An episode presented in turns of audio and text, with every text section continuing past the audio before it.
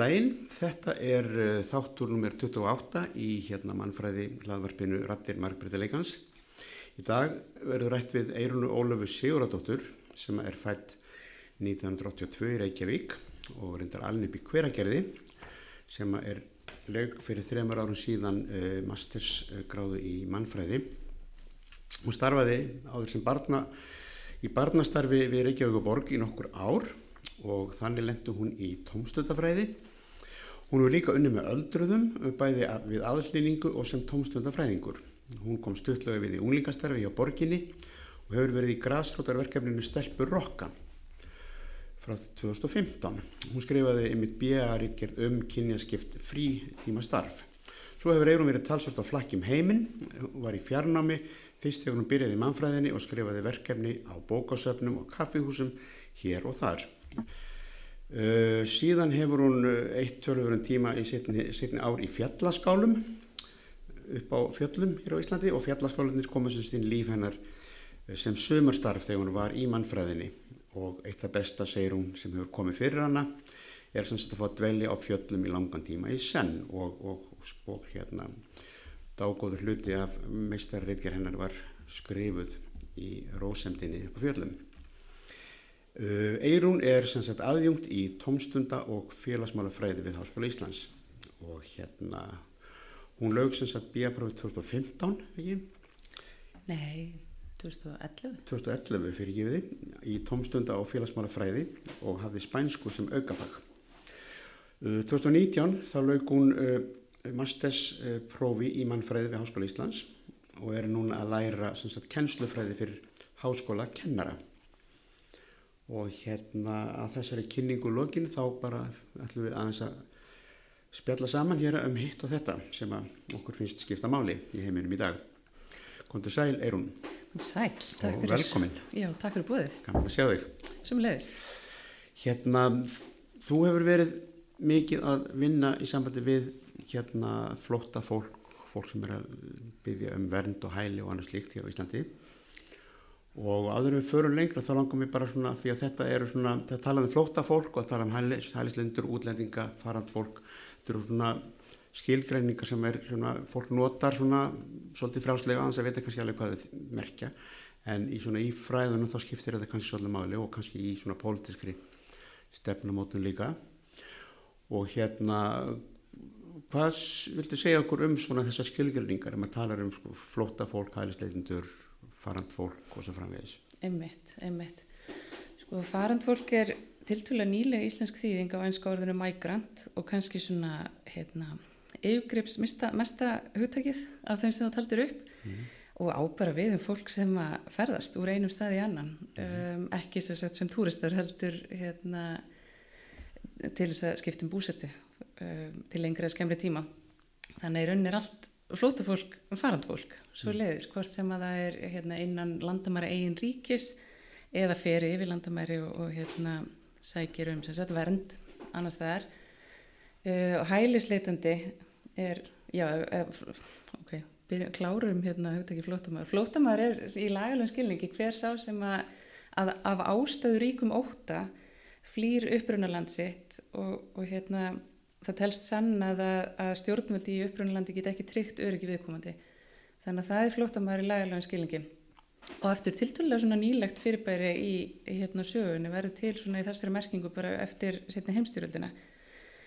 Um, hælisleitandi síðan er hugtak sem er komið út úr sko formlegumáli í dag og, og finnst ekki lögum á íslensku lengur en nú tala um umsækjendur um alþjóðlega vernd Um, og svona bara smekksætri hvort að fólk hérna, notar lengri, skil, hérna, lengri orðarununa eða bara tala um hælisleitundur en það er sérsett bara manniska sem að er hérna fjari heimahögunum og hefur sótt um stöðu flóttamanns. Og hvort sem að fólk gerir það í gegnum sko, flóttamannahjálp saminuðu þjóðana í einhverjum stórum flóttamannabúðum oft í nágræni við hérna, upprunalandið eða ferðast með svo kallum óformlegum leiðum til dæmis bara frá, segjum bara frá miðausturlöndum í gegnum Evrópu og ákveður að segjum vernd hér á Íslandi að þá er það hælisleitandi að umsækjandum alþjóðlega vernd. Þannig að sko allt flóttafólk hefur einhvern tíma verið umsækjandur um alþjóðlega vernd en ekki allir umsækjendur um alþjóðlega vend hafa fengið þessa viðurkenningu á sinni lagalegu stöðu sem flótamenn mm. svara þetta spurningunni Já, og, oft, og þá eru þau jæfnvel gemdir ykkur staðar í já, já, einhverjum svona búðum bara. Já, og svo þessum málum getur tekið langan tíma og, og hérna oft flókin og, og alls konar hindranir í veginum fyrir að fá þessa viðkenningu á þessari, þessari lagalegu stöðu. Já, og svona svo fellur inn í þetta þess að flotta fólk, skilur við náttúrulega fólk sem er að flýja út af út af hérna bara mjög slæmum hérna slæmum lífsviðværi svo kallar efnaðslegir flottamenn sem er að flýja bara er að koma sér í í eitthvað stærti sem lifa betra lífi. Þetta er náttúrulega eitthvað sem við kannski gert alla tíð. Algjörlega, ég meina fólk hefur alltaf, bara við vitum það sem mannfræðingar að hérna, fólk hefur alltaf farið úr einu stað í annan. Og tala um þegar það eru þurkar eða uppskriðbrestir eða náttúruhamfærir eða eitthvað svona í, í hérna nær umhverfinu sem að gerir lífið óbærilegt þar að þá mm. fer fólk tekur sér upp og, og fer annað. Það er saga mannkins, saga mannkins er saga fólklutninga um, en vissulega fólk, flóttafólk er á flótta undan ólíkum um, aðstæðum sumir á flótt undan stríði, aðrir eru pólitíski flóttamenn með eitthvað svona persónleiri mál sem er kannski öðruvísi að færa sönnur á og aðrir eins og þú segir eru að flótta hérna, undan ofsa fátækt og, og hérna efnaðashörmungum sem oftar en ekki tengjast sko loslasbreytingum og, mm. og hérna og svona náttúruhamförum sem eru sko langt umfram það sem að fólk getur haft stjórn á sjálft mm. Þannig að það er alls konar fólki í þessum hópi. Já, já, og það er eitt sem við getum eiginlega ekki komist hjá því að skjóta að í sambandi við þetta að þetta hérna eins og kallar í reyðgerðinni innan gæðsalepa flóttamanna vandamál sem að mætti kannski bendla við eitthvað svona önnur vandamál sem að, að, að dregur fólk á flótta.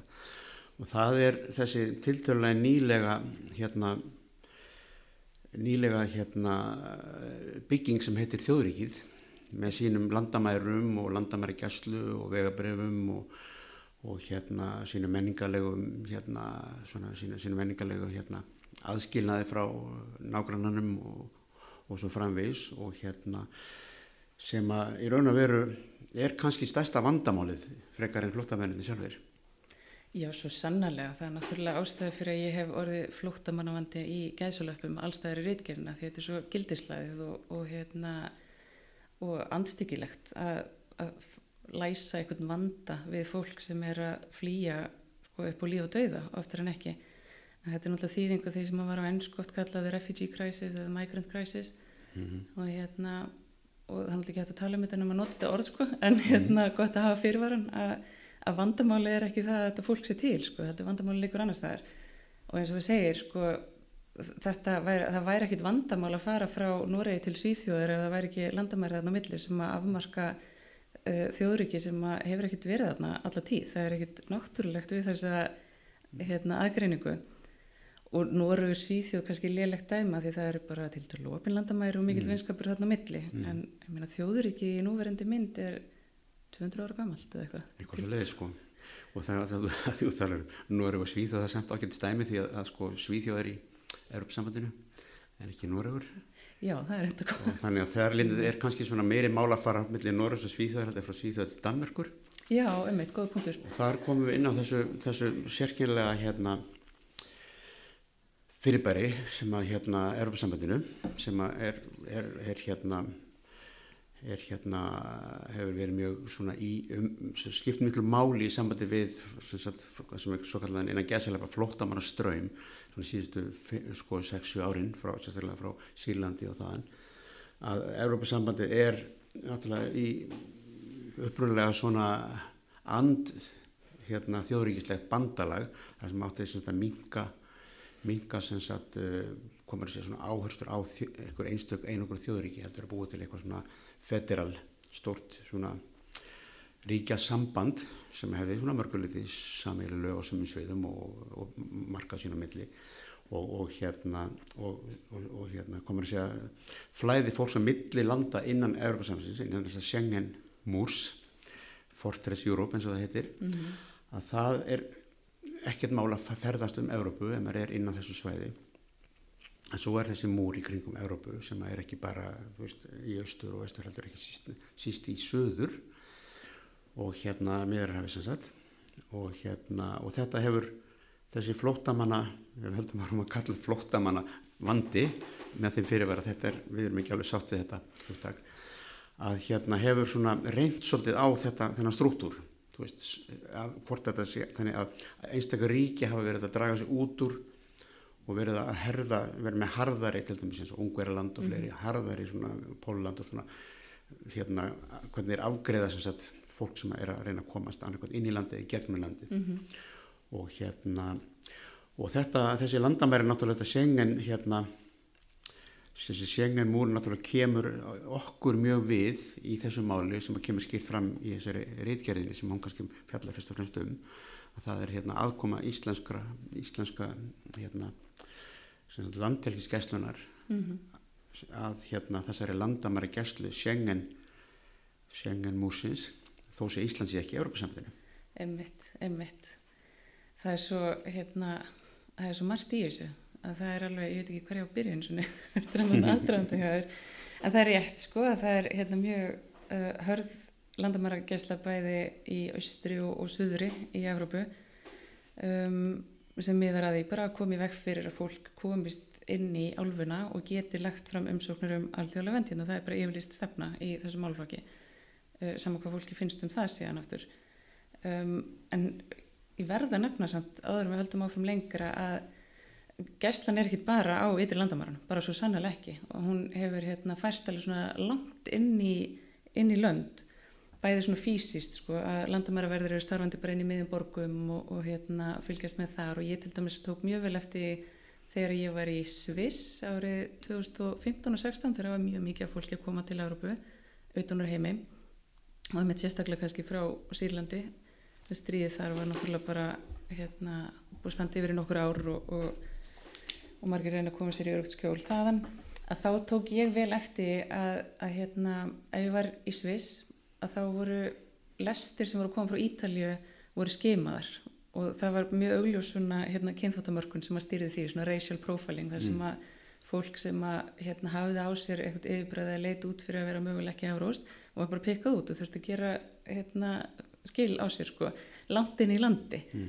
þannig að hérna, sést náttúrulega ekki í Európa-sambandinu þannig að það kannski skýrjut upp einhverju marki en ekki alla leið Eh, eftirliti er út um allt og eftirliti er ekki síður stafrænt líka núna með þessum örflögum í vegabrjöfum og, og hérna mm. allir svona nýri tækni í, í bara eftirliti almennt en, en svo ég fara eftir í þessu fórsta nefna sem er hérna viðfangsefni rittgerðarna mínar þá ákvað ég að rannsaka hérna þátt landhelgiskesli Íslands í landamæra eftirliti á aðal á meðrahafi þegar þetta líka verið hérna utan stranda Afrikum, ekki sérst á meðrahafi heldur út á Allandshafi mm. Þetta kom til hjá mér bara því að mér, mér var bara svo misbúið að Íslensk ríkistofnun væri að sinna svona eftirliti fyrir Frontex, landamærastofnun Európa-sambandsins. Frontex er tilturlega nýstofnun, hún var hérna nú komið á laginnar 2004 held ég að ég fari rétt með og hérna hefur bara stækkað rosalega síðan þá að umfangi og, og bara á eil og allanhátt sko og hérna hefur svolítið svona leiðandi áhrif í allir álfunni þegar, þegar kemur að landamann eftirliti og, og ég þekkti þess að stofnun bara af neikvæð, sérstaklega úr, úr hérna græsvöldarstarfi og úr aktivisma í samstöðu með flóttafólki og farandfólki þá þekkti ég Frontex bara sem svona hérna e, stofnun sem að fólk hvað ég segja, fólk sem viss á Ivanaborg hvað hún er mm. e, hafði ekki góða sögur að segja af Þannig að þegar ég sé síðan að landhelgiskefislega Íslands er að vinna fyrir þessa stofnun og það hafi bara einhvern veginn gerst á þess að það fari neyn svona pólitísk umræða fram um það. Og það er hverki verist að tekina einhver svona pólitísk ákvörður um eitthvað, jú þetta er það sem Íslenska ríki ætlar að gera og þetta er okkar framlag í þessa sama eurósku hérna, landamærageslu að þetta bara svona gerist einhvern veginn já, á þess að almenningur allavega sé upplýstur um það og ég held bara reynilega ekki stjórnum held, heldur um ég var bara misbúð og hérna ákvaða að skoða þetta í reytgerðinu minni. Já, þetta er það er annað í sambandi við þetta sem að kemur nú í huga minn út frá þessari reytgerð sem sagt í sambandi við þetta að tungumálið sem sagt orðræðan, orðanótkun í sambandi við hvernig þetta var borið fram sem sagt og þú talar hérna um að það hafi verið í árás 1 í Vísjá hafi verið heil þáttur vísar þáttur um þetta sem að kannski ekki, þetta hafi kannski ekki beint verið fegrað en það hafi ekki verið farið mikið fyrir neittni svona gaggarítni umræðu um þetta fyrirbæri og þetta hafi jafnvel verið eins og bara uh, svona fréttatilginning frá þeim sem að standa að þessu sem sagt, og sem að þetta bara bara það að tryggja það að þeir ráði stjórni orðræðinu um hvað þetta er Já, sannarlega sko. Ég, það sem ég greindi í fjölmjölu um þetta verkefni var almennt bara fyrir eitthvað svona ógagrinnin umfjöldun um þetta verkefni og vantarlega kannski bara að því að fólk reynlega þekkir ekki Frontex og það kemur mjög skýrt fram í, í skrifum fræðumanna um Frontex að þessi stofnun hefur sko meðvita svolítið svona fetað á hvernig stigu á millið þess að vera sínileg og, og ekki mjög sínileg. Mm. Hún, hún hérna, er leiðandi í orðræðum og stefnumótun og hvernig tekið er á þessum málum en hún ætla sér ekki að taka of mikið pláss og heldur. Þannig að það er ekkit skrítið þó að íslenskir fjölmilar hafi ekki alveg kveikt á því hvað, hvað stofnun þetta væri. Það vitaði bara ekkert allir. En hérna og það er heldur ekkert skrítið þó landilgjastlega Íslands hafi kannski ekki haft djúpa einsinn í starfsemi þessari stofnun og þetta er bara landilgjastlega Íslands hefur bara ákveð hlutverk samkvæmt lögum og það hlutverk er ekki að vera öll og deiti í hérna, flótamannamálum út í heimi. Þannig að ég hérna, er svo sem ekki teist á því að fólk hafi ekki alveg kannski séð sama samengju og rót ykkur fræðimennir út í heimi sem að ég fór síðan að lesa og voru að benda á. En svo var það náttúrulega hérna, hérna, infant terrible á Íslandi, íslenskri fyrstamennu, sko, Helgi Seljan sem að hérna hafði svolítið annan, annan, hérna, annan vingil á þetta. Helgi Seljanka grindi þetta uh, en sko kannski ekki út frá hérna ekki svo mikið út frá hvað maður að segja svona hérna hugmyndafræðilega eða að því að, að, að því hann væri að setja sig mjög djúft inn í það, inn í frontex heldur bara peningarlega sko Já, að, hérna, að það væri að koma stórar upphæðir hérna inn í Íslenska ríkistofnun frá Erlendu batteríi og, og hérna beinleinis kannski að ég man ekki hvað samingjan setti fram, það var eitthvað svona um það að Ísland geti tekið á móti svo og svo mörgum flóttamönnum á ársbasis mm. Fyrir jafnverði upphæðina sem að gæslan var að fá frá Frontex fyrir að sinni, þetta er náttúrulega launa gikk hérna hjá landilgæslinni mm. uh, sem skiptir sköpum hérna mm. og landilgæslan sem sett fer út í þetta samstarf í kjölfar efnahagsfrönsins hérna á Íslandi þegar að, allur efnahagur er í, í bakkir og hérna og þeir voru bara að bjarga sér um fjármaks sem þurfti, þú veist, eins og þeir orðuðu þetta, mm. hérna bæði bara útgefna efni og í viðtölunum sem ég tók að það átt að halda tækjabúnaði gangandi og halda mannskap og launaskrá að það vantaði peninga mm. og, og hérna þeir fenguði þessu peninga inn sem sett í gegnum þetta verkefni og dýllin sem var í gangi þá var sá að, að Frontex leigir, leigði hérna tækjabúnaðin af stofnunni en stofnunin læði fram sko mannskapin mm. og það var sagt áliti vera framlega Íslenska ríkisins í þetta verkefni mm. þannig að það skapaðist svona sjóðstreymi hjá þeim og Helgi Seljan ákvaða benda og það sjóðstreymi uh, já, var í jafngildi sem mm. sagt því að taka móti fólki í hælisleit í, í leita vernd hér á Íslandi. Svo veit ég nú ekki hvað fór fyrir þeirri ábendingu, ég gæti ekki séð að það færi neitt sérstaklega mikið fyrir, fyrir þessu. Nei, alveg potið ekki. Það hefur verið að þakka það niður. Og það er náttúrulega eitt af því sem að þú fjallar líka svolítið mikið um það er akkurat þessi, þessi í sambandi við svona aðgerðir og svona stopnarnir bara að hérna að stjórna því hvernig stjórna því hvernig bara sér orðaði hvernig hún er, hvernig er rætt um hana og ekki síður hvernig er ekki rætt um hana og að sé ekki rætt um hana. Þetta virkar næstu eins og eitthvað svona hálfgerð svona leinið þjónusta sem að svona sem að er kannski ekki markmiði ég, sko, ég skal ekki segja hvort að markmiðið ekki en hérna, nei, líklega ekki. Ég held nefnilega að það sem var svo skýrt í, í mínum sagt, gögnum úr rannsókninni ég sést tók viðtöl við starfsmenn landhelgiskeslunar, ímest stjórnendur og menn og fólk á öllum mhm. kynjum sem hafi reynslu að að taka þátt í þessu verkefni og það var svo skýrt þarna hvað fólk var einlegt í því að hérna, álita þetta bara einhvers konar svona mannúðarstarf mm. og björgunar og, og mannúðarstarf sem að vera að sinna þarna út á hafi þannig að hérna, það, það voru mjög svona einlegar meiningar á baku það hálfu starfsfólkinn sem tók þátt í þessu en það er alveg rétt sem þú segir að það skiptir máli hvernig tala um hlutina og, mm. og hver hérna, skilgreinir svolítið svona ramman í kringum umræðinu og um orðræðunar og það skiptir ekki síður máli hvað er ekki sagt mm. það, hérna, það eru miklar upplýsingar oft í, í þögnunum Mm. og það sem var aldrei sagt á Íslandi var til dæmis að þetta, þessar björgunar aðgerðir sem að íslensku áhafnirnar hjá landhelgisgæslunum tóku þátt í þær eru undir hætti Frontex sem er ekki mannúðastofnun hlutverk Frontex er ekki að bjarga mannslífum eða tryggja hérna, hag flóttafólks. Mm. Frontex á að sjá til þess að fólk kom ekki inn í álfuna, Mm. það er yfirlýstur tilgangur. Svo verða, er gerað björgunaðagjör þegar ekki hægt að komast hjá því að að fólk er komið inn í hérna, euróska landhelgi eða, Mm.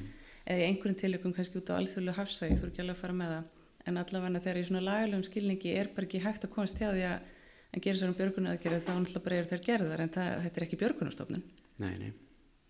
Og það er annað sem að mér, mér poppar upp í haustum að mér líka sambandi við þetta, sem sagt sem ég, úr ítgerðinni að það er þessi lagalega, þetta lagalega hérna virðist vera svolítið óljóst, kannski ekki, ég þekki, hef ekki vita, nóg mikið vita á því í sambandi við það að ef að, ef að skip sem sagt bjargar eh, fólki úr sjáarháska að þá komi upp spurning um sko um hérna jafnvel ríksborgararétt eða, eða rétt til að flytja í eitt Já, eða allavega sko hvaða ríki er ábyrgt fyrir fólkinu Já, já. þegar fólk er utan allra einlega landamæra bara út á hérna, ballarhafi út á, á alþjóðlegu hafsvæði að þá uh, held ég að eldri lög séu þannig að, að sem sagt, ríki sem að skipið siglir frá Mm. beri ábyrg og ég man nú ekki hvort ég fjall um það í, í massisritgerinu eða, eða ekki en það er rosalega áhugavert mál talsveit eldra frá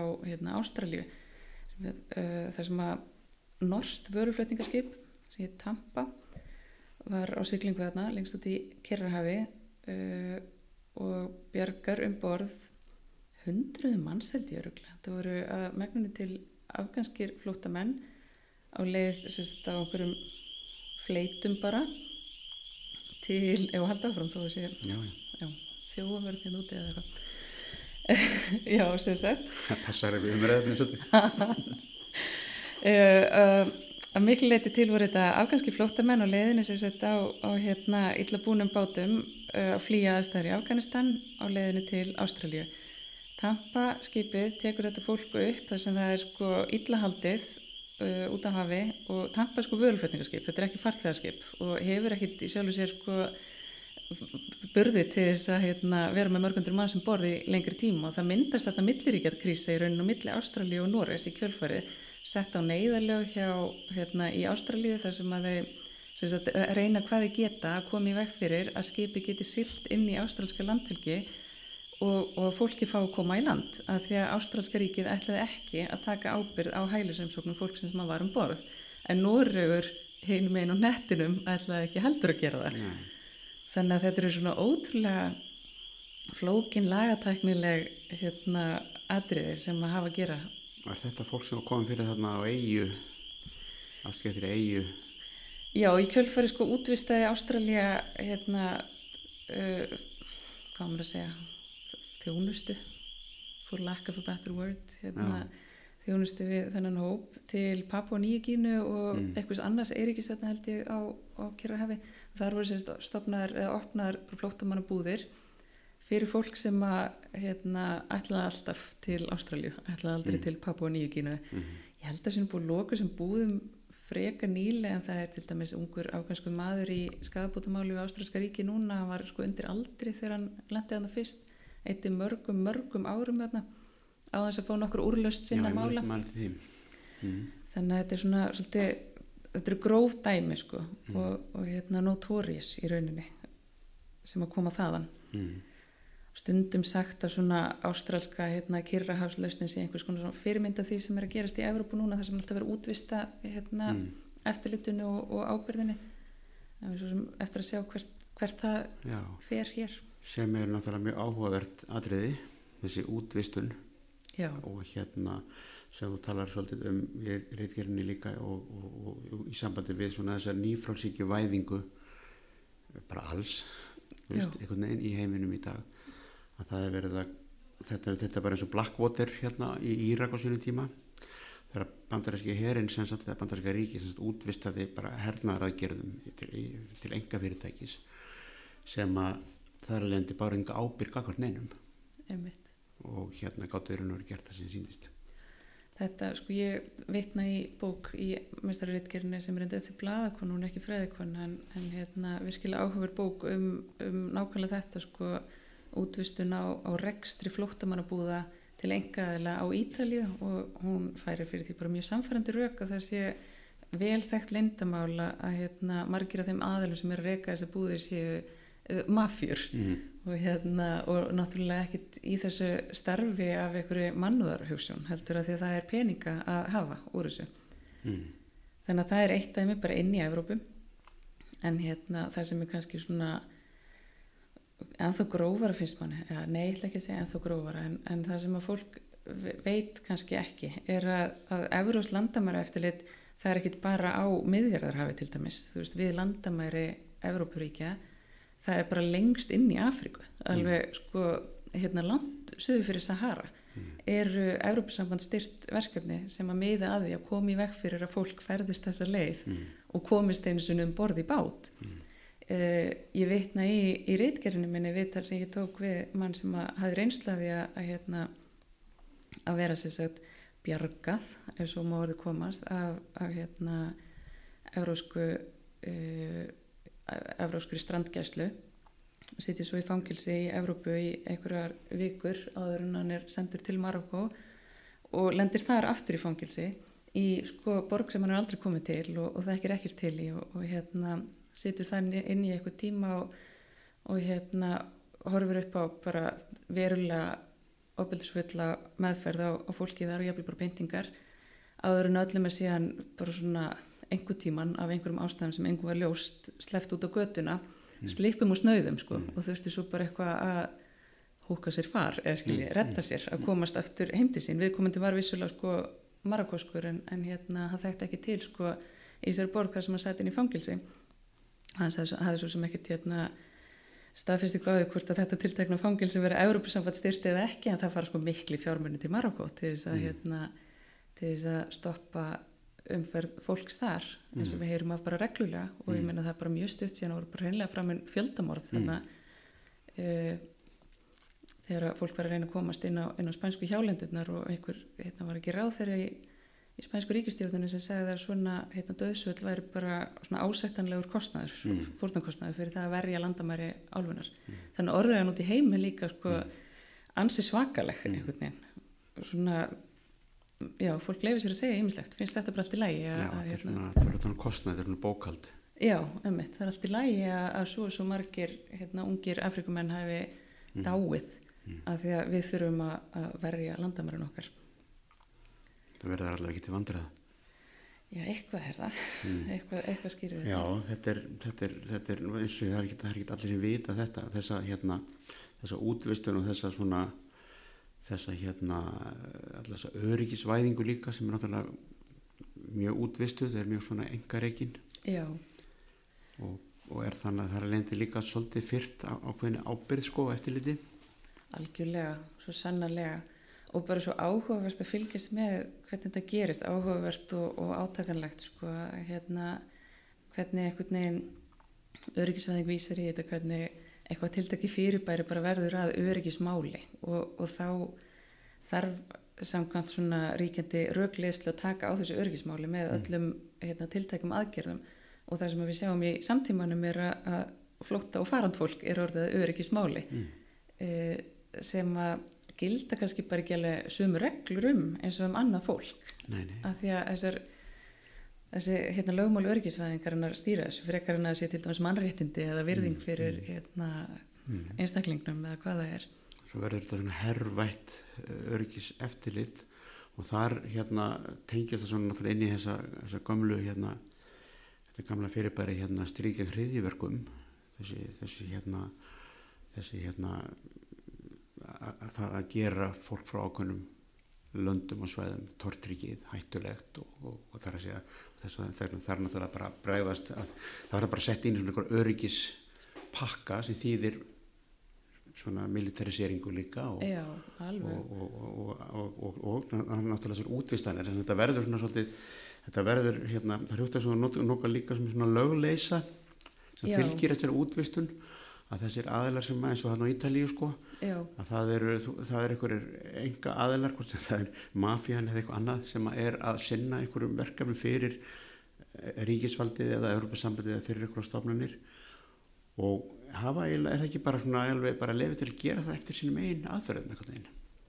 Er ekki í litið, er nokkuð verið að tekka á þeim? Er ekki svona, já, það er nú örugglega bara allur gangur á því hversu Já. mikið eftirlitið er með því en sko það er rétt sem við segir, þetta eru hérna, nánar sístur, öryggisvæðingin og hernaðvæðingin það alveg haldast þétt í hendur og, og hérna árásetnir á tvíbruturðina 2001 náttúrulega uh, gáðu báðum byr undir báða vangi og, og við vitum það alveg, það er, það er bara almenn þekking að, að hérna, kallmenn frá ákveðnum heimsluta þykja skuggalegri heldur en annað fólk veginn í dag sem að tengist þessum atbyrðum náttúrulega.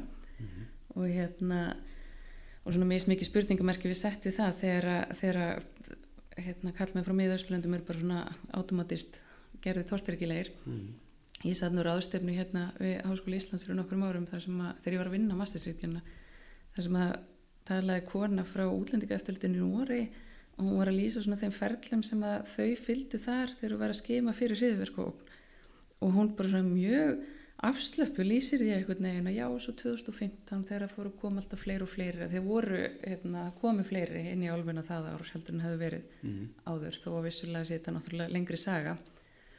Og stjórnvöld alltaf jafn óundirbúin Já, og, og jafn óslega hissa en, en það er kannski annar mál. En hún fyrir að tala um, já, 2015 þá komum svo margir og einmitt sérstaklega frá Sýrlandi og, og hérna, við fórum að reyna að skima fyrir hvort það væri einhverjir hérna, fylgismenn Íslamska þarna og, og fyrst erum við svona herrið við bara tekkum á öllum kallmennum sem eru að koma frá miðausturlöndum og það var bara ógerlegt þannig að við gáttum það ekki, þannig að við komum að þrengja hans ramman og, og hún bara svona lýsir því hvernig við svona prófa ólíka nálganir og svo ákveða bara að skoða alla kallmenn aldrei um 18 til 50 sem eru komið gegnum Sýrland og, og hérna, og svo bara held hún áfram einhvern veginn og lýsir bara þessum aðferðum Norska ríkisins og fólk hlustar einhvern veginn og, og hérna þegar hún hefði lokið máli sínu og þú veist, og opnað fyrir spurningar og þá, ég held hún að fengi nokkru spurningar og svo er bara eitt sér réttur upp hönd og, og hérna segir það sem ég held að margir inn í herbygginu hafi verið að hugsa sem er sko, þessi, þetta er kynþáttamörkun, þetta sem þú ert að lýsa er racial profiling. Mér er mjög misbúið að heyra að þið bara hérna, grímulaust aðhyllist þessa nálgun þegar einu hriðiverkin sem hafa verið framin í Noregi voru framin á kristnum öfga hægrimanni sem var hvítur. Og hún bara kom að fjöllunum þessu kona. Bara mér þykir mjög leitt ef ég særði eitthvað en það er svona mér finnst þetta svo gott dæmi þessi tiltakna kona um sko að hún er ekki ein, minna hún er að vinna fyrir ríkistofnun út í heimi. Sko hvernig þessar orðræður verða svo þær festast við svona common sense er bara viðkendar sko. Alveg viðkendar og bara hafi greinlega aldrei kvarlaðan einum hvorki þessari konun í hennar samstagsfólki að ástæðan fyrir að til dæmis ekki geta komið í veg fyrir hérna, árásir Andris Beivik var að þau voru í aðra átt. Já, já, já, já, samt var þetta vitað alveg já, já, var alveg, menna já, þannig að það hefur verið greint, vel frá því af, af no- norskum mannfræðingi. Hérna, sem heitir Sindri Bangstad skrifaði heila bókum þetta. Já, einmitt. En hérna, en þetta er svona og hérna þetta er svona, svona, svolítið svona spuni í þessu sko.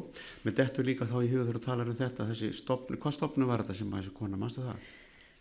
Nei, mér, mér, mér finnst það bara að hafa verið útlendinga eftir svoleiðis ég þurfi ekki að fara með Nei, með þetta einmitt í hug sko að hlusta til dæmis á komur að segja svona hug, hug, hugmyndaheimin og orðavalið og orðræðin sem kemur til frá útlendingastofnun hér á Íslandi þegar er verið jafnvel að fréttamenn eru sem eru yfirleitt mjög kurtesir alltaf kurtesir að mínum mati hérna eru að, að ræða við sem sagt fulltrúa frá útlendingastofnun þegar eitthvað svona mál komu upp sem að maður myndi kannski geta litið mjög öll á sem gróf mannlendabrótt að, að, að það er þetta, þetta er einhver, einhver, einhver, rödd úr einhverju stopnum sem er líkist þess að þú tala þetta er bara svona, þetta er bara svona eðlileg svona, svona hérna, banality og evil sko, þetta er bara svona eðlileg hérna, lögin segja þetta regluna segja þetta.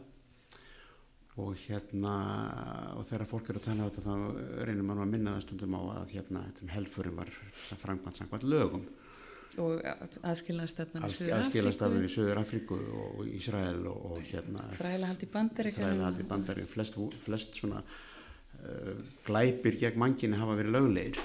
Já, um mörg fordæmi um, um það og bara nær og fjær í tíma. Þannig að það hvort eitthvað er lögulegt eða ekki er ekkit endilega ég mitt mæli hvort það er síðilegt eða hérna réttandalegt Nei. finnst manni. Og kemur aftur inn á kannski það sem þú nefndir á þannig hérna lögleysuna sem er hérna hugtak sem ég tók inn í rítgerðina mína frá mannfræðingi að nafni Rúben Andersson Mhm. hann talar um the illegality industry varðandi mm. sér landamæri eftirlit Mm. að, að hérna, það eru bara setta reglur þú veist að þjóðriki þessi tiltula nýja stopnun í, í hérna, sögulegu samingi um, ákveður að nú megi ekki ferðast yfir landamæri þjóðrikisins nema eftir ákveðum leiðum Mm. og hérna gerir ákveðnar ferðir ólöglegar sem það voru ekkit alltaf, það var ekkit ólöglegt einu sinni að ferðast með þeim hætti sem að hérna, Nei. þykir ólöglegt í dag Það voru ekki landamæri. það voru ekki landamæri þannig að það gati ekki verið brotlegt hérna, við einn eða neitt Þú vissir aldrei hvort þú varst komin inn í Rómaveldið ekki. einmitt en hérna en hann talar um þetta sko bara þessi flokkun fæðir af sér náttúrulega glæpina Mm. þessi glæpir var ekki til ef við varum ekki búin að ákveða hérna, eða við eða einhverjur allavega að, að þeir væri til og, og nú væri ólöglegt að gera hlutinu svona og svo þarf að hérna, að taka á þessum glæpum sem að þykja fyrir öryggisókn og það er gert með aðferðum sem eru jafnvel bara ólöglegar líka og stundum kemst það upp og það tekið á því. Mm. stundum ekki. Þetta er svona eilíðarmaskina sem að nærir sig stanslöst Mm. og miklu peningar í húfa því þú talar á hann um nýfrjálsykju og það er hérna nýfrjálsykja býr bæði til peninga og, og, og fátækt hefur verið talað um Fullt af peningum í húfi fyrir fólki sem að hérna hannar drónana sem að fljúa yfir landamærin eða, eða bara eða eitthvað íslenskt fyrirtækina sem að, sem að hérna hannar og smíðar báta fyrir grísku strandgæsluna Mm. veist, þetta er svona frekar kannski tilvílana kendur business að eitthvað íslenskt Mm. tiltúlega lítið fyrirtæki sé í svona business út í heimi sko um, sem er beintengt þessum risastóra yðnaði, lögleysu Það yðnaði er kannski tengis kannski veru hérna, óðins eða ægis hérna í miðurhafinu. Ég veit ekki hvernig hafa fengið þessi tengingu, það getur vel verið sko. Já, Það er það. verið, já og bara allir þessi örygginnar, bara þessi herrvæðing sko, það, her er náttúrulega stríð og her er náttúrulega rosalega business og við vitum það með landamæri bara, við vitum það við förum í gegnum hérna, erum að fljúa förum bara fljúgum frá Íslandi sem að hvert við erum að fljúa þetta öryggis tek sem allir fer í gegnum. Og það er svona sensorar og græjur allt í kringum okkur. Þetta er keft dýrun dómum mig megnaði sem framleitt í Ísraði þeir hafa góða reynslaði þar. Og hérna og, og það er ofta að tala um bara hérna security business þetta er bara, er bara eðina sem að veltir ykkur um miljörðum og það þarf náttúrulega að búa til ástæði til að nota þetta kaupa þetta og selja þetta og nota þetta. Og, og, og, og hérna, og sumstaðar eru jafnvel sko þingmenn og, og hérna pólitíkusar sem eru lögjafin eru með, með hlutabref í þessum fyrirtækjum skilur og, semja þessana lög sem að uh, krefjast þess að þessi tæki þau þurfa að nota þessi tæki. Og þetta verður einhvern manískur öryggis yðnaður sem að fullt af fólki græðir á Það eru sko mikil hagsmunöfl í gangi þarna í allar áttir, ólíkar áttir mm. sem að ég kannski fór ekki nema bara ég er svona rétt fletti yfirbörðið á því í Mm, minni mm. rannsók Mm. en hérna risastóri arbær yðnaður Mm.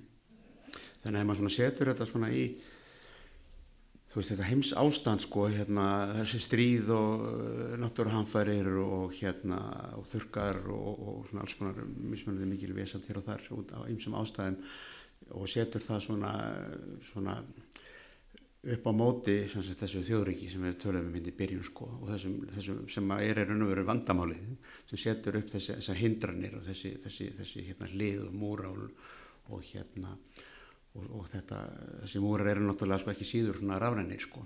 Já, svo sannarlega. Og, og allt þetta er þannig að það er líka nöðsilegt að viðhalda flottamannavandamálinu Ég meina það fullt af fólki myndi vissa, missa vinnuna strax í dag sko, ef við myndum bara ákveða að við ætlum ekki að tala um að ferðum fólks lengur. Já, og svo þeir sem eru að sletti svona stökk í þessu þá er það bara eitthvað, eitthvað fjöldi miljónir manna sem eru bara í eitthvað einskilsmanns landi Já, í eitthvað skelvilegum aðstæðan sem að það hefur engan áhuga á að vera í já það er náttúrulega hérna, ekki til svo manneski sem að finnst frábært líf að búa í flótamannabúðum og, og vera þar upp á Nei. ölmusu komin og, og í svona viðvarandi fullkomnu óvissu ástandi mm, um bæði bara samtíman og framtíðina sko. Þetta er ekki, hérna, það er enginn sem segir eitthvað þegar hann er tíu ára að hann stefnaði þetta í lífinu Nei. Þannig að þetta er, þetta er svona, ef maður horfir á þetta svona, þú, svona þú, þetta er svona svolítið sem þú ferð inn á svona í þessari þetta, allt þetta samhengi sko, mér er þess að byrja á því bara held í engangum og þú viljið skoða þetta, hérna, þessa, þessar siglingar, land, hérna, hérna varskipsins ægist inn í miðarhaf, hva, í hvaða víðar samhengi er þetta, var þessi ferð farin? Já, að því að þess að segja, ég var svo hissa að mm. þetta væri gangi. Mm. Landhelgiskeslan, mm. hún sinnir gæstlu á Íslandi veist, hún, mm. hérna, pappi minn var skipveri um mm. borði í varskipi já. og hérna tók þátt í björgunaraðgerðum í heimægi þegar það gauðst þar, maður tengir einhvern veginn gæstluna við, þú veist, vélar var hann að báta eða, eða skipverja sem að fekk hérna hértafall og passu bara landingina já, náttúrulega, við höfum flug, flugvil og þyrlu og svona, en, já, en hérna mér fannst eitthvað algjörlega surrealist við það að, að þessi stofnun væri sko mm. þeir byrjuðu náttúrulega fyrsta seglingin var sko undan ströndum Senegal þú veist, það er ekki svona nálegt Evrópu. Mm. að, að hérna patróla þar í kring.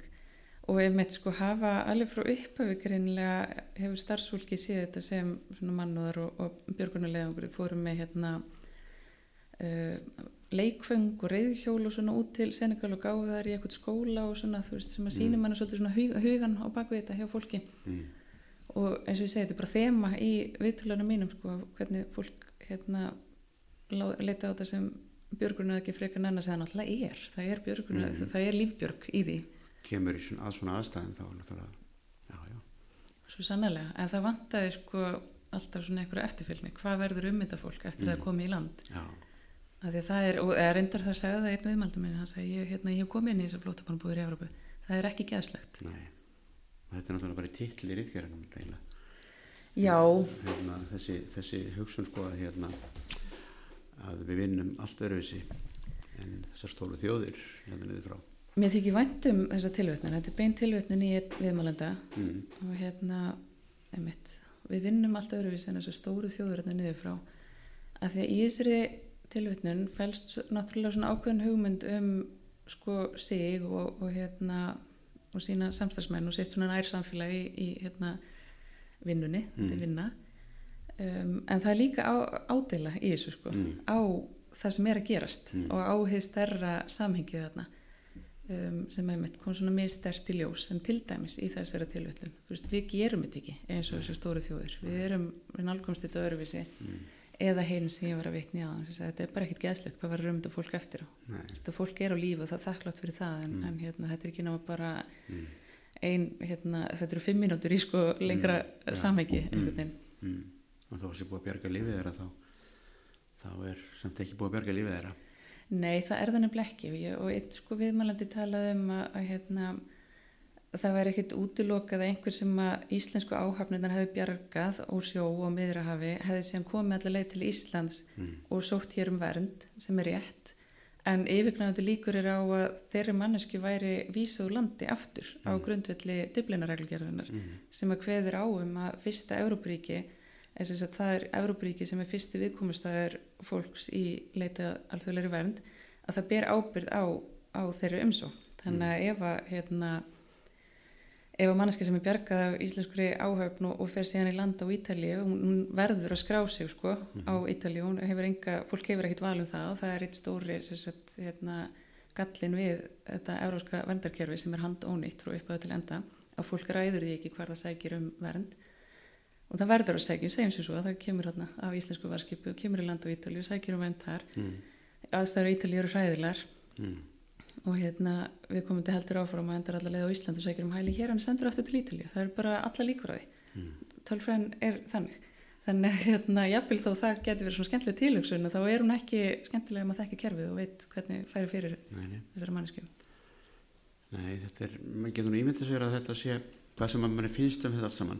Sér að vera sérstaklega að vera eins og sé, verið þessari vinnu Já, hjá gæslunum Já, einhverju íslenski strákar sem alltaf eru komir í þetta Ég held þetta hafi haft mikil áhrif á alla sem tóku þátt í þessu tula allir um það og, og hérna öruglega bara sko ekkert alltaf á jákvæðanhátt mm. það er ræðilegt að horfa upp á fólk mm. í neyð mm. og flest okkar erum frekar empatískar verur og, mm. og hérna höfum samkjönd með öðrum og fæst okkar hér á Íslandi höfum nokkuð tíman séð með eigin augum sko ofsa fátækt eða hérna, stríðsátök og ofbeldi og það sem fylgir þessu þannig að það, er, hérna, það hefur áhrif á mann að hitta fólk sem er í sér stöðu og það hafði alveg áhrif á, á mína viðmálandur í sér rannsókn, mm. það lindir sér ekki mm. Já, maður ekki gleyma því að það eru á sama, á sama hátt og þetta er þessar manneskjur þetta er þessir flóttamenn flótta fólk allt saman að þetta, að þetta, þetta er ekki bara einhverja tölulega stærðir, þetta er bara fólk. Þetta er fólk með sögu og, og já, já. Sko, í einhverjum tilveikum svipaðsögu, að flýja sama stríðið til mm, dæmis mm, í Sýrlandi mm. en svo koma sko miljón ólíkar sögur í ljós þegar þú fyrir að mm. tala við einstaklingana. Mm. Það á hver og einn á sína sögu, já, hvort sem að það á við um flóttafólk eða bara hérna manneski sem hefur aldrei verið í þeim veruleik og maður rekst á eitthvað í græmstildin í bónus mm.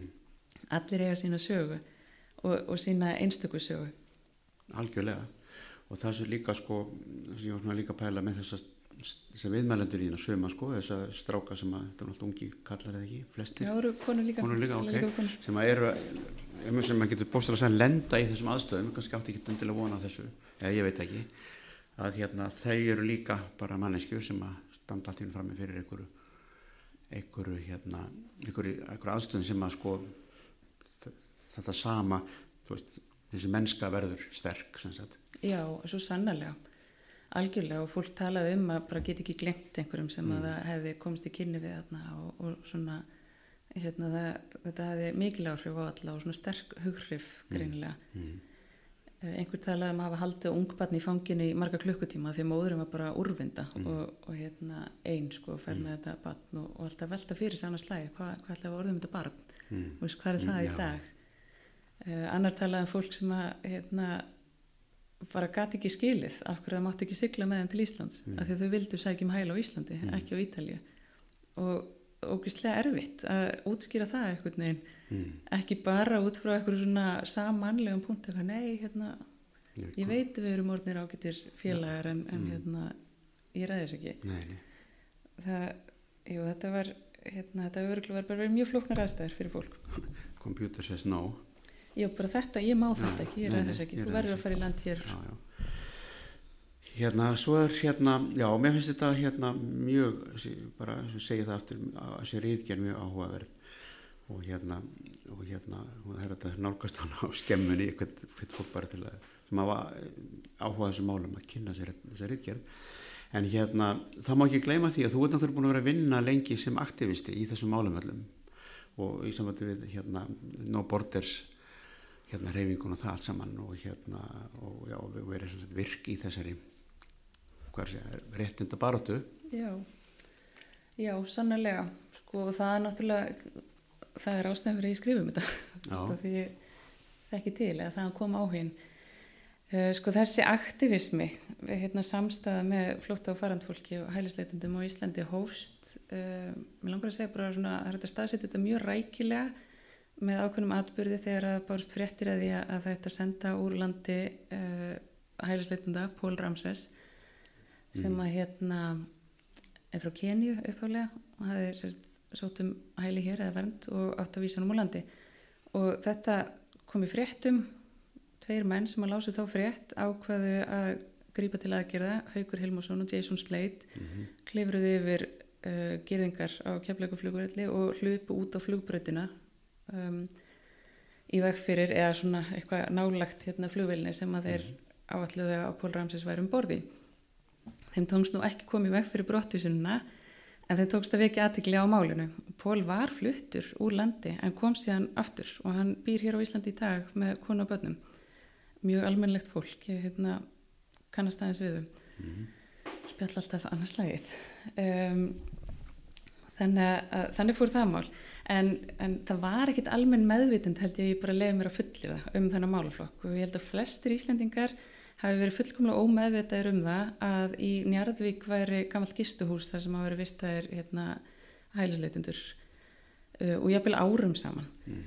Svo fer bara einhver sem er forvitin og bankar upp á og kynnist þessu fólki og smám saman verður til svona hérna, óformlegur hópur sem að hérna, kynnist þessum mönnum og, og fer að stað svona ég beita aðgerðum sem að hafa kannski verið, þú veist, það var náttúrulega gróska í samfélaginu, að Saving Iceland hafi verið uh, aktíft nokkur ára og undan og svo náttúrulega kemur hrunið og mikil Mm. mótmæli þann vetur og svona, Mm. þú veist, þannig að var svo mikið að gerjast í samfélaginu akkurat þessum tíma og, og hérna, í nákvæmlega því samhengi fyrir fólk að hérna, þróa svona samstöðu með, með flotta fólki og hælisleitundum á Íslandi fyrst bara svona hérna, veita alls konar persónulega stuðning og, og hérna, kynast fólki og leiðbeina um veist, aðstæður á Íslandi og hvað það er sko. En aðstæður hafa náttúrulega breyst svo rosalega mikið á þessum tíma.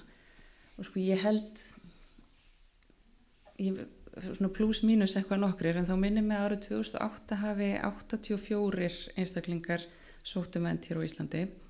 Í fyrra 2021 voru það 872 held ég öruglega og í ár árið er náttúrulega ekki liðið en ég kíkti bara í morgun á tölfræði frá útlendingastofnun og það eru konar einn 1332 umsóknir bara í ár Mm. sem tengist náttúrulega, þessi mikla mikla fjölgun tengist auðvitað innrásinni í Úgrænu Mhm. en það breytir ekki að fjöldin hefur vaksið start og stöðugt á hverju ári síðan hérna 2008 um, sem er bara í takt við það sem er að gerast út í heimi sko. það, hérna, það er mikið flóta fólki í heiminum og, og Mm. auðvitað kemur það til Íslands eins og Mhm. Eins og til annara landa, það Mhm. segir sig eða sjálft.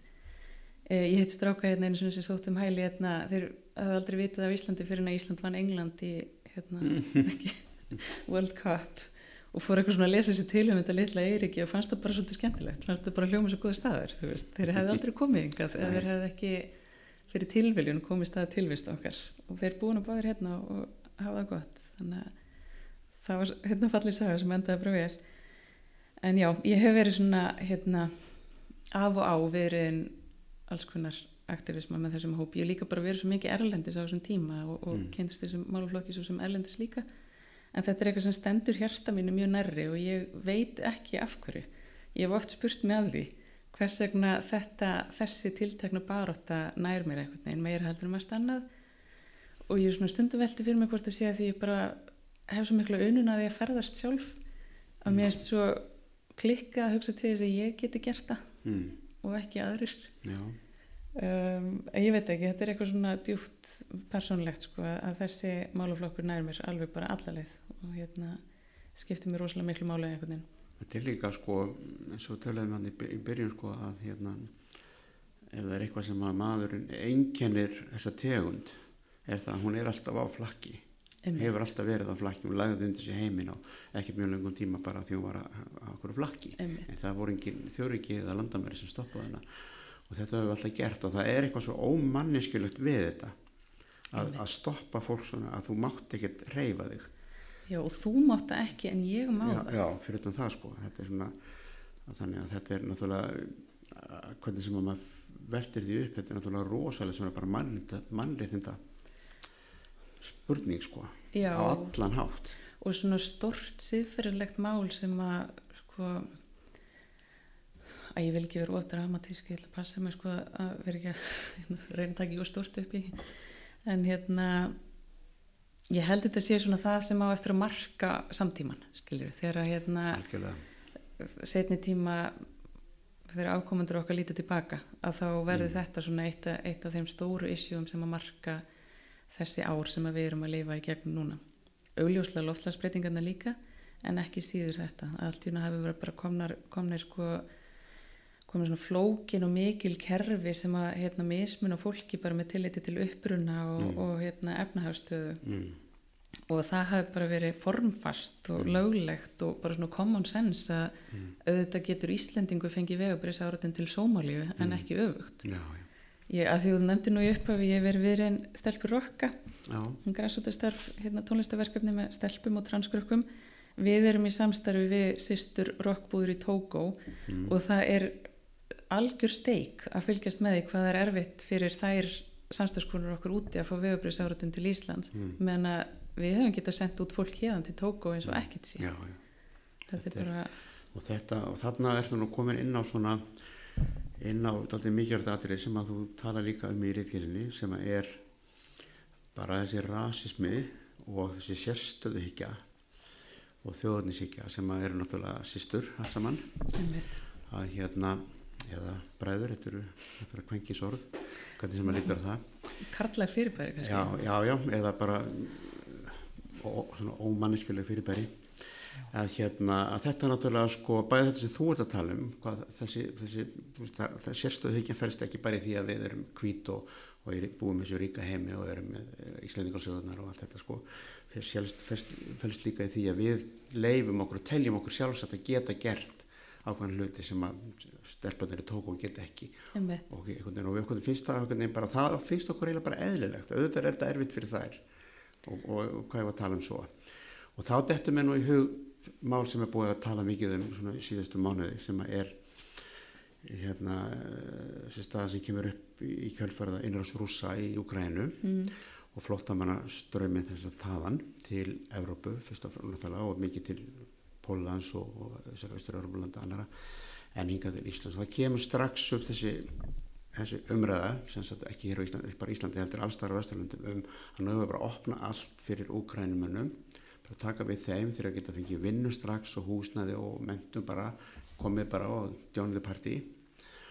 Á sama tíma sem við vitum það að það er búið að vera að setja stólinn fyrir dyrnar á mjög bara brútal hátt fyrir fullt af öðru fólki sem er, er að flýja stríðs átök líka mm -hmm. og ekki, ekki sem að út af innrásrúsa, þetta er okkar innrás sem sagt, við tala bara eins og Írak og Afganistan og Síland og allt þetta ástandi í, í vesturasíu, miðasturlundu svo kallið að hérna og það sem var svona einhvern veginn svona sumir að þetta allt um verið, það er þetta fræga fræga hérna innskot frá einhverjum bladamenni hérna fyrir CNN hann sagði sko að þetta væri við ætlum að hleypa þessum úgrænum þeir eru hérna svona kvítir og ljósarir við erum relatively civilized sagðan, þeir eru hlutvarslega siðmentaðir eins og það nú bara fáranlegt orð. Og frekar siðmenta fólk ekki, ekki 100% siðmenta Nei, ekki 100% siðmenta og hérna og þetta búið að vera að tala um þetta á sama, á sama tíma og er, við erum með sko sem við ætlum kannski að tala bara um líka svona aðeins við ljúkum þessu að við erum hér á Íslandi til dæmis er verið að er verið að hamra á einhverju hérna, flóttamanna stefnu mm -hmm. sem er mjög rasísk og mannfjandsamleg, það er ekkert að segja annað. Og hérna og svo kemur þetta og meira sé að dómsmálaráður sagði það þegar þetta stríð byrjaði hérna í Úkrænu og það komið þetta náttúrulega fyrir opna vandi fyrir Úkrænunum og sagði hann að það við getum ekki gett ekki á mótið þeim. Allaveg ekki fyrir að vera búin að senda hína í burtu. Og, og hann sagði mér þess að þessa hína og hérna og þetta er, minnum ég svona svolítið á þetta sko að tala um áðan í samband þess að norsku konu þannig mm -hmm. að þetta er bara einhvern veginn þetta er svo viðurkjent hugsun. Já. og þetta er svo, svo, svo við, viðurkjent bara menningarlegt sjónarhótt á aðra að við leif sko að það, það, það, þess að segja þetta sko dómsmárar þótt ekkert aðlóðvirt við að segja þetta. Nei, nei, þetta er bara eðlilega þetta er bara eðlilega eðlilega jafna sko.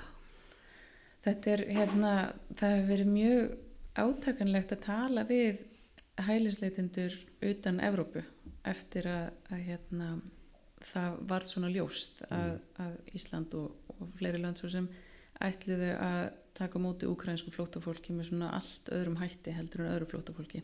Það er mikil svona sorg og, og hérna auðvitað vonbriði hjá fólki sem er að, að flýja bara jafn, alvarlegar aðstöður. Mm og, og hérna stríðsátökjafil sem hafa varað mun lengur mm.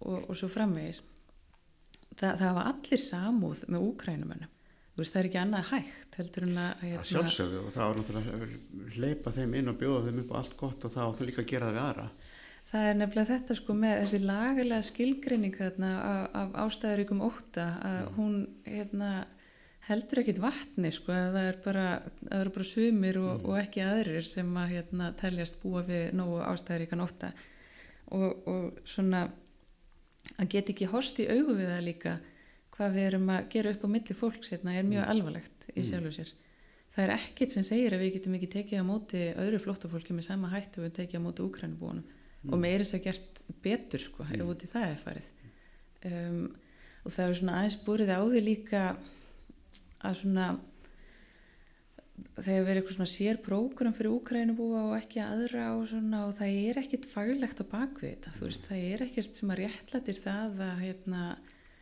að, ég veit það ekki þú veist, það Úkrænsk börn fái sérstakt frístundanámskeið sem að hefur verið í umræðinu sko, en ekki önnur börn mm. þú veist, áfallarsaga úkrænskra barna er meiri sér, það má meiri sér tala um að hún er stittri heldur Mm. en barna sem eru að koma úr með langvarandi átökum og, og oft með sko flóknari flóttasögu og svo framvegis þetta ástand, þetta stríð þegar hvernig kalla stríð í Afganistin búið að vera 20 ár sko, allra, eða meir lengur sko í Sýrlandi í meirin 10, 11, 12 ár sko. Já, já, ég meina Afganistan sko 40 ára, það er ekki Já. alveg dísent að tala um 40 ára 40 af ár, átökum þar Írak, sko? allt þetta meina, hlé, með hlífum auðvitað en það hefur ekki verið öryggi og stöðuleiki þarna í ára Nei, það eru heilu kynslu þarna sem þekkja ekkert annað heldur en sko reglulega átök og ofbeldi og ófrið? palestínumenn sem að einmitt, palestinumenn sem búandir hernámi og, og hérna miklu ofbeldi, ég er nú farið nokkur svona til Palestínu og það bara breytti mér að fara þangað Mm. í fyrsta sinn. Og ég hafði sko farið víða áður en ég kom þangað, þetta var ekki fyrsta sinn sem ég var landa heiman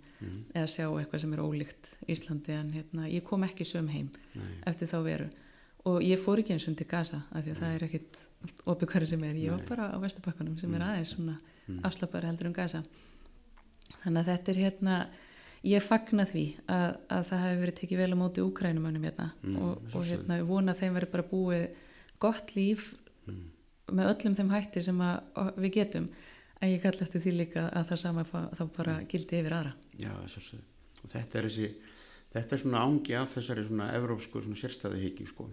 Þó að hérna þó að ég hérna leiði mér nú samt að segja það að ég man ekki til þess áður en að þetta stríð byrjaði að Íslandingar hafi eitthvað sérstaklega verið að hérna haft eitthvað sérstaklega sérstaklega við þetta til úgrænumanna þannig.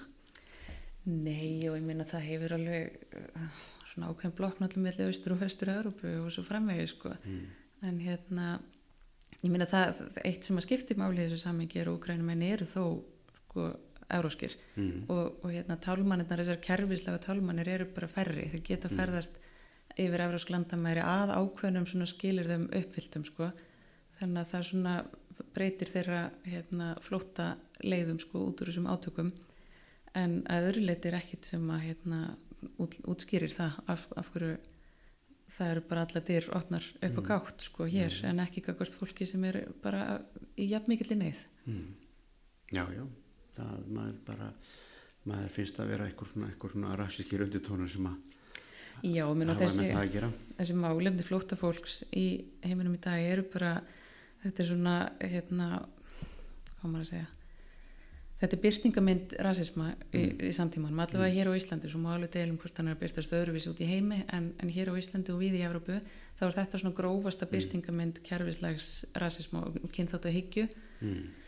og hérna Já, hér á Íslandi og eh, til bara við Európa Danmörku sem er nú, er nú alveg ræðilegir og Íslandinga vilja endur að taka þá sétti fyrirmyndar. Já, sko við höfum ekkert að segja til Danmarku hvað var þessi mál. Það, hérna, það er ekki stefna sem er eh, grundvallast á, á til dæmis bara staðrindum.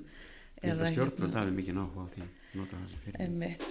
Það er líka sko ég skoða það eins í amarætgerinu minni að hvernig sko svona, ég skoða mjög svona ítalega greiningu á því hvernig Evrópusambandið og Evrópuríki þannig í kringum 2015 brugðust við aðstæðum Mm. um, með hætti sem að beinleinis bara svona nærði vandan Mm. mm. sem óverið komast Mm. og, og hluti af því það var alls konar svona mein göllu stefnumótun sett í gegn og alls konar svona aðgerðir kynntar sem að áttu eitthvað að, að hérna, taka á aðstæðum og gerðu þau aðstæður bara ennþá flóknari og, og verri og hættulegri þú veist það væri ekki svona hættulegt að sigla yfir miðrahaf sem flótamaður Mm. eða það væri ekki ólöglegt Mm. og væri ekki allt kapp lagt á að koma í veg fyrir að fólk komist þessa leið um, en hérna þannig ég skoðaði í reitgerinni hvernig stefnumótunin var einhvern veginn svona mein gölluð og eitt sem kom svo vel í ljós var að, að stefnumótunin byggir á bara svona alls konar settum á sko fölskum forsendum.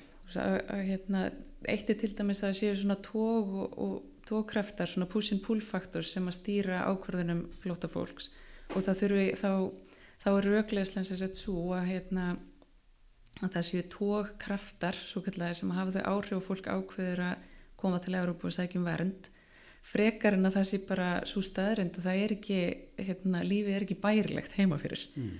og það sé einfaldlega ástæðan fyrir að fólk er á, á flótta Mm. og einmitt að svona einstakar ákvarðanir fólks á leiðinni skýrist af einhverjum svona ótrúlega obskúr hérna, tógkröftum þegar staðrendin er svo að fólk tekur alltaf bara ákvarðanir út frá bestu svona hyggju sko á hverjum tímapunkti. Þú veist, það er bara með ákveðna upplýsingar í stöðinu og, bregst við út frá þeim. Og, og þá í þenn tilgangi að hérna bjar- bjarga sér á sínum sko. Mm. þannig að Európusambandið hefur uh, stefnan þar, ofnbæra stefnan er ekkit úthugs og hún byggir ekkit á hérna stað, staðrendum eða hvað þá hann sé mannréttindamiðuð og, og algjörlega ástæðalust fyrir okkur hér á Íslandi að vera eitthvað að geta upp svoleiðis stefnumótun utan úr heiminn. Já, það er svo sannlega rétt.